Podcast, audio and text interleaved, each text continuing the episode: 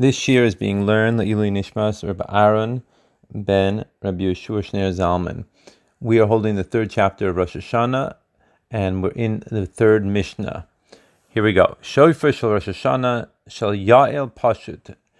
So the Mishnah says that the shofar Rosh Hashanah was actually a horn that was from a wild goat and it was straight. According to the Ramban, he says that it wasn't specifically that it had to be from a wild goat, but the main point was that it was straight. And the idea behind this Tana's opinion is that just like our davening has to be straight uh, on Rosh Hashanah, and it has to be straight from a person, in other words, his thoughts should be in a straight manner. That's what the Bartanura says. So therefore, we should also blow a shofar that is straight.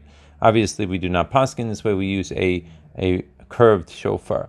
Now, the shofar itself that was blown in the temple in the Beis HaMikdash had certain elements to it, namely ufi mitzufa bezahav or zahav.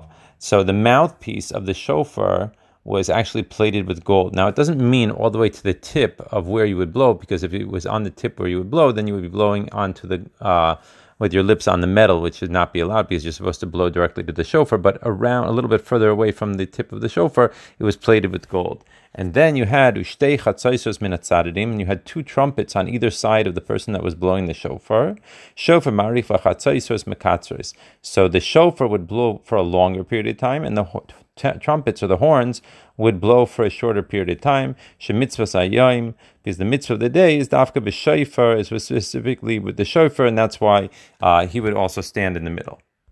Mishnah Daled. Here we're going to be talking about on the uh, community fast days the Torah teaches us that we would also uh, blow the shofar, and actually we'd blow horns that were made out of silver. So here it goes. It says v'tainis b'shel zacharim kfufim. So on a fast day, they would specifically use uh, shofars from a male sheep, a, a, ram, right? That were kfufim. Kfufim means curved. Again, uh, it brings out that it doesn't have to actually be from a ram, but it does have to be uh, curved. And the idea here is the curve, the Gemara explained, um, expresses a sense of humility. Now, these, unlike the ones that we said before, bihem mitzufa bekesef, so these mouthpieces would be plated with silver. Again, they weren't exactly on the tip of the horn of the shofar, but it was uh, a little bit further away. So that way the person's lips actually touch the shofar itself. Now, this time the two trumpets were on the inside.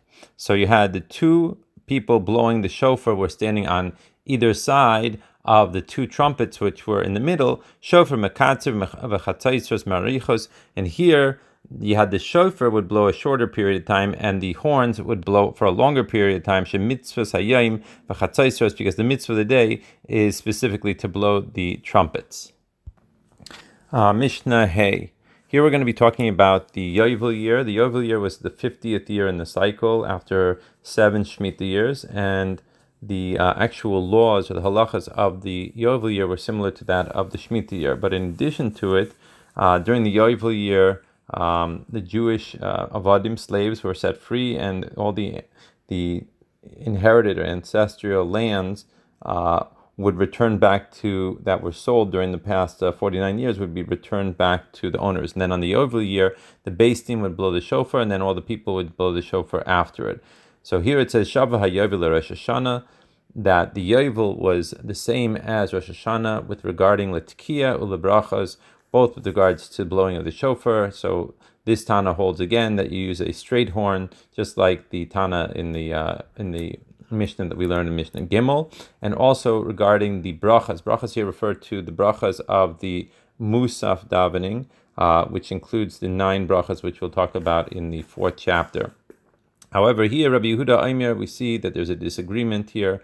Rabbi Yehuda says, "Berosh Hashanah toikim b'shel zacharim," that on Rosh Hashanah dafka you use uh, the ram's horn, which is curved. Again, the focus point here is curved, not necessarily that it has to be from a ram, although there is an opinion that way, and the Rambam talks about that.